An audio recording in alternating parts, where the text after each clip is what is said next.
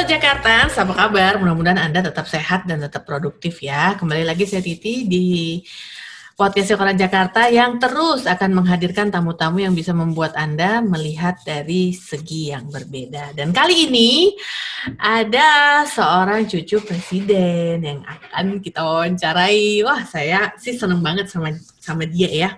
Langsung kita sapa aja. Halo Putri Habibi, apa kabar? Halo Mbak, halo semuanya. Aku alhamdulillah baik-baik. Semoga kita semua juga baik-baik. Amin. Para pendengar, para pembaca. Hmm. Nah ini uh, berkaitan dengan mewabahnya pandemi COVID saat ini nih, Putri ya, di mana semua orang kan harus kayak menjadi uh, apa garda bagi dirinya sendiri dan keluarga gitu ya. Betul. Itu ada pengaruhnya nggak dengan kegiatan masak-masak? Kalau masak memasak sebenarnya ada pengaruhnya itu di ini aku ada sekolah ada private cooking class yang tadinya kelas-kelas itu tatap muka. Mm-hmm. Tapi karena pandemi ini jadi kita mm-hmm. harus mengubah strategi. Mm-hmm. Jadi kelasnya via online. Mm-hmm. Nah, selain kesibukan uh, Lady Bay Cooking Class itu sih sebenarnya kalau untuk aku nggak terlalu banyak berubah karena memang kan bikin-bikin bikin-bikin konten itu di rumah Mm-hmm. Kebanyakannya di rumah, syuting-syuting itu di rumah. Mm-hmm. Ya paling itu aja sama meeting-meeting dengan klien, dengan teman-teman itu sekarang diubah dulu jadi via online. Mm-hmm. Nah ini kan banyak orang ya yang harus tinggal di rumah. Nah Uh, Ini kayak kegiatan memasaknya online tuh banyak dicari lah cara masak apa kayaknya tiap orang tuh banyak pengen jadi chef gitu ya. Nah kira-kira ada saran nggak nih dari seorang Putri Habibi apa yang harus disiapkan? Yang pasti yang harus disiapkan itu niat karena sudah hmm. terbukti kalau terjadi hal seperti ini ternyata skill memasak yang tadinya mungkin dianggap nggak terlalu penting Ya. Jadi ternyata penting sekali kan ketika hmm. kita harus ibaratnya stay di rumah. Jadi pertama yang harus dikumpulin itu yang pasti adalah niat. Mm-hmm. Uh, karena mau ada waktunya, mau ada alatnya, mau ada medianya semuanya kalau misalnya niatnya emang belum ada, nggak akan bisa dimulai. Ya, nah, benar, kemudian benar, benar. siapkan kalau urusan peralatan, bahan itu kita bisa mulai dari hal yang simple dari mm-hmm. yang sudah ada di rumah. Jadi kalau menurut aku sih lebih kepada menyiapkan dirinya. Kira-kira kemudian buka referensi masakan seperti apa yang saya suka, terus kemudian yang bisa applicable dengan aset yang ada di rumah, misalnya uh, di rumah adanya kompor, uh, nggak masalah, nggak mesti bikin yang pakai oven, nggak mesti beli oven karena dengan menggunakan kompor aja udah ada ribuan menu yang bisa kita bikin gitu kan, hmm, Mbak. Mm -hmm, mm -hmm, mm -hmm. Ya, ini kita cek dari IG terakhir postingan IG terakhirnya Putri nih ya. Ternyata nanam sendiri ya. ya, oh, itu gitu. Uh, kebetulan di Bandung itu suka nanam-nanam ada cabe, ada selada, kebutuhan-kebutuhan yang masak-masak uh, herbsnya, terus kemudian bumbu-bumbu seperti uh, daun seledri dan kawan-kawan. Senang sih, jadinya kan bisa nggak usah beli keluar gitu. Terus hmm. kegiatan menanam itu juga ya kita ngelihat dari kecil terus kemudian panen tuh rasanya sangat amat fulfilling. Makin hmm. makin bikin jadi betah di rumah gitu. Hmm, nah rencananya emang dari uh, apa uh, ke depan akan dari akan banyak ambil bahannya itu dari kebun sendiri rencananya ke depan atau kombinasi atau seperti apa ini Putri? Aku sih belum ada pikiran mau ambil dari kebun sendiri atau gimana. Tetap hmm. pastinya uh, kebutuhan beli di luar itu ada. hmm Tapi untungnya kita sekarang sudah dibantu dengan teknologi kan. Kita sudah bisa belanja tanpa meninggalkan sofa gitu ibaratnya. Iya. Nah, jadi uh, belanja-belanja e-commerce dan kemudian uh, beli via ada ojek online gitu masih menjadi uh, cara atau metode utama aku dalam berbelanja gitu buat masak. Nah, uh, menurut Putri nih, uh, apakah private cooking class itu dapat sambutan yang antusias lebih maksudnya sekarang-sekarang ini dibandingkan dengan sebelumnya? Uh, aku pikir aku kira uh, aku sudah bersiap-siap untuk hmm. wah ini kayaknya agak sulit nih nggak akan ada yang maksudku kebutuhan lain ini bukan kebutuhan yang uh, utama banget gitu kan untuk ya untuk ngeluarin misalnya uh, cost untuk belajar masak gitu. Awalnya tuh aku sudah berpikir kayak hmm. gitu. Yeah. Sampai pas awal-awal juga aku sebenarnya tutup dulu Lady Bay Cooking Class-nya. Hmm. Tapi kemudian makin ke sini kok makin banyak request. Nih kapan buka? Kapan buka? Mau hmm. bilang, e, tapi kalau buka online nih, karena saya belum bisa terima tamu gitu. Yeah. Oh ya nggak apa-apa. Nah karena banyak demand untuk bikin kelas online, makanya kemudian di baru sebulan setelah pandemi ini dimulai aku buka lagi Lady B Cooking Class-nya. Hmm. Dan alhamdulillah surprisingly ternyata uh, kebutuhan untuk belajar masak itu juga sekarang uh, menjadi penting. Hmm. Dan orang-orang jadi banyak yang uh, ikutan gitu sih, Mbak. Di luar ekspektasi juga sebenarnya. Iya, nanti kalau udah selesai pandemi ini orang pada ngelamar jadi master chef kayaknya. Semuanya jadi master chef kayaknya. Iya, kalau menurut uh, seorang Putri Habibi gitu ya, uh, masakan yang paling um, enak banget masaknya itu apa? Yang paling enak banget masaknya, uh, banyak orang nanya ya, kenapa suka masak? Apa sih titik di mana uh, masak itu yang aku sukain gitu? Mm -hmm. Sebenarnya aku uh, bukan proses memasaknya yang aku paling suka ya. suka juga tapi terlebih memasak itu yang bikin aku semangat itu memasak buat siapa jadi oh, okay. misalnya oh aku mau masakin mamaku nih hari ini nah de dengan uh, ada apa ya pengaruh emosional itu jadi memasak itu menjadi lebih istimewa buat aku. Misalnya oh mau kirimin gebetan aku. Ah hehe gitu. Tuh jadi lebih seru. Kalau hmm. memasaknya aja sih sebenarnya ya memasak seru kemudian produknya jadi udah. Tapi ketika kita bisa kasih ke orang yang dikasihi, terus kemudian uh, apa reaksinya oh enak atau gimana itu juga itu justru sebuah uh, faktor yang paling bikin aku semangat masak gitu. Mm-hmm. Kalau bicara semangat, kadang-kadang ada juga faktor kesulitan dari masak. Sebenarnya lebih sulit masak pakai kompor, pakai oven, atau pakai media-media, pakai arang atau bagaimana? menurut Putri? Yang pastinya uh, uh, pakai arang dan kawan-kawan itu pasti sulit buat aku karena aku belum pernah coba. Mm-hmm. Tapi kalau misalnya media-media masak seperti kayak oven, terus kemudian alat masak seperti oven, seperti kompor atau mengukus segala macamnya, tetap yang paling uh, mudah itu dan yang paling uh, applicable buat semuanya kompor. Okay. Karena kita lebih familiar, semua orang mostly punya kompor. Mm-hmm. Jadinya uh, untuk aku yang suka berbagi resep ya, uh, mm. resep dengan alat utamanya kompor itu yang paling friendly. Mm-hmm. Karena uh, mulai dari anak kos sampai ibu rumah tangga sampai yang profesional pun bisa melakukannya karena ya hanya pakai kompor gitu. Berbeda kalau misalnya aku ngepost resep yang pakai oven atau pakai kitchen torch banyak teman-teman yang nggak bisa bikin karena belum ada ovennya. Mm-hmm. Pernah nah, coba itu pakai? jadi oke. Okay. Nah, ah, terus terus terus terus nanti pertanyaannya dilanjutkan lagi. Nah, terus gimana Putri?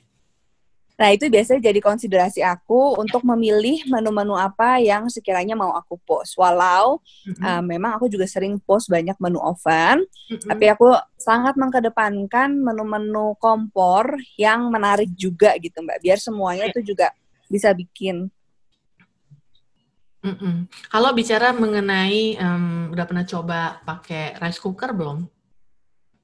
Ah, pakai rice cooker. Banyak banget yang request, terutama teman-teman yeah. anak kelas request. Pakai rice cooker, pakai rice cooker. Kalau aku sendiri sih sebenarnya to be honest jarang. Jadi hanya hmm. pernahnya tuh menu-menu yang biasa kayak nasi Hainan, terus kemudian hmm. uh, kemarin sempat viral KFC itu. Yeah, yeah, Tapi yeah, yeah. aku bukan selalu bilang kayaknya aku kurang tepat nih buat buat kalau menu-menu rice cooker karena aku belum belum ngulik kayak gitu. Tapi hmm. biasanya aku memberikan mereka alternatif yang bisa juga dilakukan uh, buat anak-anak kos gitu. Misalnya yang tidak perlu dimasak, yang overnight gitu misalnya. Breakfast apa sih yang gampang yang lo udah nggak perlu bikin, nggak perlu masak lah istilahnya. Kan banyak juga. Kayak gitu, Mbak. Kalau makanan Indonesia yang paling paling suka Putri masak apa? paling suka aku masak. Uh, makanan Indonesia itu biasanya mamahku yang paling yang paling jago. Jadi kalau di rumah, kalau udah ngomongin masakan Indonesia tuh biasanya mamah yang masak. Mm Aku mundur, aku mm bagian makan aja. Oh, Tapi okay. kalau misalnya memang harus masak sendiri, masakan Indonesia yang aku suka bikin itu adalah sop buntut. Oh, oke. Okay. Iya, karena yang pasti enak. Kita semua tahu sop buntut enak. Kemudian itu makanan yang komunal yang semua bikin sekali bisa seabrak, bisa langsung dibagi atau bisa di Mm -mm, gitu. Jadi aku suka karena ringkas gitu. Kalau paling suka makannya yang yang makanan apa nih, Putri? Oh, paling suka makannya uh, makanan favoritku peringkat pertama itu adalah masakan nasi padang. Oh, nasi padang. Iya, nasi padang mm-hmm. mm, yang udah dibungkus ya, teman-teman. Mm-hmm. Nasi padang yang udah dibungkus, enak mm. banget. Itu udah peringkat nomor satu makanan favorit Putri. Hmm, oke. Okay. Kemarin aja Gordon Ramsay belajar bikin rendang. Betul. ya, kita alhamdulillah kita yang punya ya makanan itu. Jadi kita terlebih sebagai anak-anak muda Indonesia, ya. aku rasa juga sekarang trennya juga kita semakin mencintai ya, semakin mencintai dan mau belajar tentang makanan-makanan lokal. Uh, anak-anak yang yang masih masih muda itu juga udah lumayan terpapar masakan-masakan lokal karena uh, teman-teman yang jualan tuh udah bisa mengkolaborasikan misalnya chicken katsu sambal matah gitu Oh, itu suatu hal yang simpel, tapi kan uh, oh sambal mata apa nih? Nah, anak-anak adik-adik kita nih yang lagi beranjak dewasa yang mesti yang mungkin kalau tanpa dengan uh, dengan apa ya, sosialisasi itu mungkin dia nggak tahu karena nggak biasa makan kan. Mm-hmm. Tapi sekarang restoran-restoran rice bowl rice bowl tuh udah banyak tuh sambal mata, terus kemudian sambal kecombrang yang kayak gitu-gitu. Mm-hmm. Itu menurut aku salah satu cara yang efektif untuk preserve dan memperkenalkan budaya-budaya kita awalnya bisa dari situ. Gitu. Putri kok seneng masak sih? Karena aku suka makan enak. Jadi okay. makan di restoran tuh kan kadang kita suka, aduh nih coba ini lebih banyak nih. Aduh ini kayaknya kurang ini deh kayak gitu-gitu kan. Terus juga kalau di restoran itu tentunya mereka berbisnis ada hitungannya. Jadi porsiannya seperti ini. Kadang kita, aduh enak banget ya kalau lebih banyak ininya. Ber, awalnya tuh suka kayak gitu. Akhirnya coba aku bikin di rumah versi aku gimana sih yang enak mau bikin mau makan salmon mentai kalau beli salmonnya sedikit mau makan sekilo juga kalau bisa bikin sendiri kan bisa iya yeah, iya yeah, kayak yeah. gitu terus yeah. kemudian mulai bikin mulai masak terus kemudian kasih ke orang alhamdulillah uh, lingkungan aku apresiatif dan uh, mendukung gitu jadi misalnya pun kurang enak ya kan kita sering dengar ya uh, bercanda-bercandaan seperti kayak ah jangan masak ntar keracunan kayak gitu. Iya iya. Ya kan? Ah kalau lu yang masak ntar gue keracunan. Alhamdulillah saat aku belajar masak, mm-hmm. lingkungan aku tidak memberikan komentar-komentar yang seperti itu. Oke. Okay. Ya, nah ya, jadinya aku ke kepercayaan diriku, self efficacy-nya mm-hmm. naik sehingga mau belajar lagi. Makanya aku sama murid-murid aku tuh selalu dan teman-teman ya tim Riko Putri kan aku ada komunitas uh, tim Riko Putri itu juga hmm. selalu bilang uh, ini bagus nggak aku selalu akan bilang bagus karena sekecil apa pun itu ada sebuah usaha. Karena awalnya nggak mungkin kita langsung bisa bikin uh, beef Wellington gitu tahu-tahu. Atau langsung bisa bikin rendang yang seenak itu. Semua kan diawali dengan misalnya bikin Indomie. It's something. Itu bukan artinya uh, buruk gitu. Itu adalah awal mula dari mencoba-coba gitu. Karena aku pun awalnya cuma cobanya juga bikin apa udek-udek nggak jelas digoreng gitu. Tapi itu menjadi awal dari aku bisa sampai seperti sekarang. Jadi buat teman-teman nih yang kakaknya apa suaminya atau siapanya lagi belajar masak, mm-hmm. sebaiknya hindari kata-kata kayak gitu. No, oke. Okay. Ya, ah nggak mau ah ntar gue keracunan makanan lo atau misalnya ah apa segala macam gitu mm-hmm. beri beri dukungan dukungan yang positif agar teman kamu keluarga kamu ini juga bisa uh, terbantu gitu supported mm-hmm. dan akhirnya siapa tahu nanti bisa menjadi katanya hobi baru yang kemudian bawa rezeki baru Hmm, amin. Oke, Putri, kalau bicara mengenai uh, udah bisa dibilang profesi lah ya, Putri hmm. untuk memasak ini ya. Uh, ada rencana ke depan yang paling dekat setelah masa PSBB transisi ini selesai? Yang pasti aku lagi mau uh, sekarang nih aku lagi alhamdulillah ketemu sama teman-teman yang menyenangkan banget mm-hmm. yang tergabung di tim Riko Putri komunitasku. Mm-hmm. Dan kita ini terbentuk saat lagi pandemi ini. Jadi mm-hmm. aku belum dapat kesempatan untuk ketemu banyak teman-teman dari dari komunitas ini. Hmm. Nah, impiannya sih nanti setelah selesai pandemi aku bisa keliling-keliling nih ke kota-kota mereka hmm. untuk kemudian masak bareng, terus kemudian berkenalan dan ya ya kenalan lah. Dan yang paling dekat adalah nih aku lagi bikin kolab buku masak hmm. hasil kolaborasi bersama tim tim Riku Putri. Oh, oke. Okay. Gitu. Berapa hmm. resep? Rencananya mau masukin 100 resep. Oh, 100 uh, uh, Indonesia kah atau uh, gabungan atau seperti apa? Jadi 100 resep andalan uh, tim Riku Putri. Jadi masing-masing kan kita di rumah itu ada resep andalan. Dan uh, aku mau merangkum itu jadi sebuah buku. Jadi kita bisa uh, share itu ke orang-orang lebih banyak lagi, bisa di-download juga. Teman-teman, aku pengen pengen kasih juga experience ke teman-teman tim, tim Riko Putri. Sensasinya punya buku masak tuh gimana sih? Gitu. Iya, iya, iya. Kapan kan mereka bisa sharing, bisa sharing ke keluarganya. Nih aku sekarang punya uh, resepku ada di dalam buku masak ini, ada profilnya dan segala macamnya.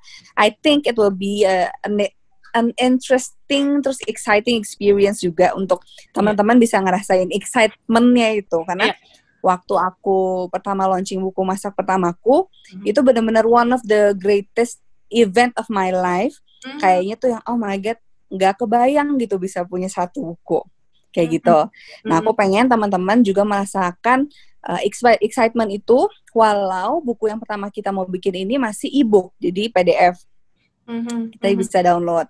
Tujuannya agar teman-teman bisa dapat gratis kan di seluruh Indo bahkan nanti di luar negeri pun juga bisa tinggal download gitu. Di mana downloadnya udah udah ada di mana?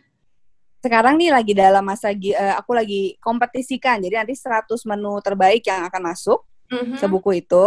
Mm-hmm. Baru kemudian nanti kita rangkum. Rencananya sih insya Allah ya dua bulan lah dua bulan lagi oh ya sudah terkumpul dan dan terupload dan bisa di di download sama teman-teman semuanya. Kita pantengin aja kali ya IG-nya Putri Habibi Harus supaya dong. tahu info terupdate-nya. Nanti saya buruan ngedownload duluan.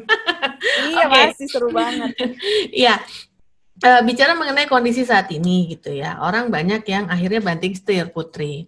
Mungkin dia nggak hobi masak, tapi karena satu dan lain hal dirumahkan, kemudian diselesaikan pekerjaannya oleh perusahaan, akhirnya memaksa dia untuk melakukan apa yang dia bisa. Di rumah ada kompor, hmm. ada sedikit uh, uang, lalu lakukan yeah sesuatu begitu ya.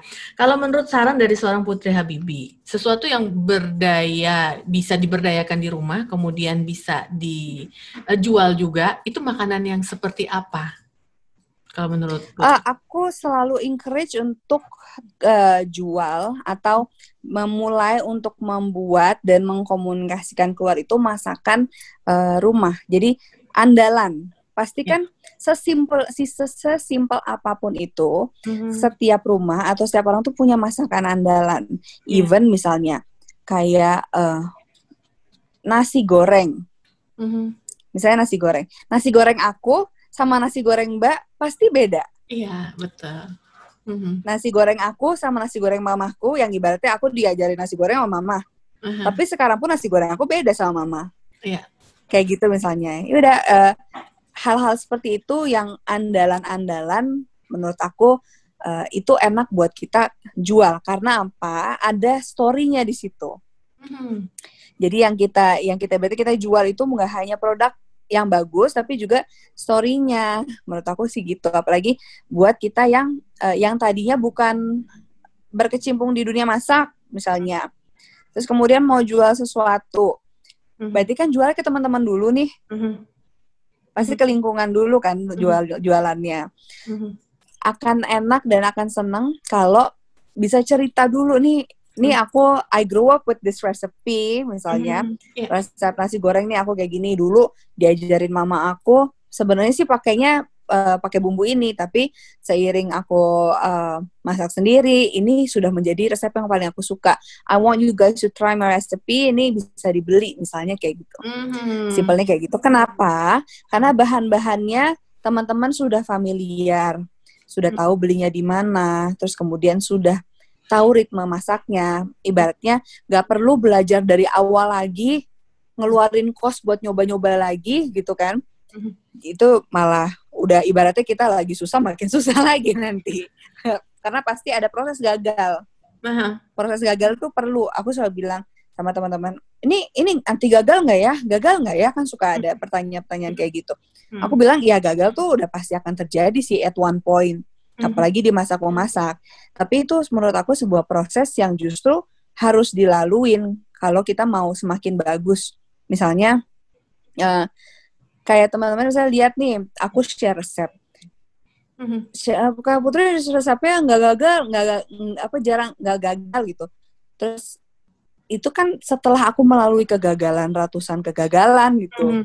setelah nggak gagal baru aku share ke teman-teman. Atau misalnya aku jual kayak gitu. Tapi yang membuat aku bisa uh, atau ada resep-resep di luar sana itu adalah hasil kegagalan-kegagalan pembuatnya. No. sampai bisa ke sampai bisa ke yang sudah utama itu, maksudnya yang sudah sukses gitu. Mm -hmm. Jadi aku selalu bilang resep anti gagal nggak ada resep anti gagal karena banyak sekali faktor. Mm -hmm. Sudah sesuai resep, tapi ovennya beda. Tapi misalnya cara ngocoknya beda, harus disesuaikan sama kondisi di sendiri-sendiri gitu. Baru kemudian uh, bisa diciptakan yang anti gagal tuh yang gimana sih versi kita gitu sih ya menurut aku. Mm-hmm. Kalau yang Habibi sendiri pernah dimasakin sama Putri? Eyang tuh suka masak. Oh, aku okay. lebih sering dimasakin, maksudnya merasakan masakannya dia daripada aku yang masakin.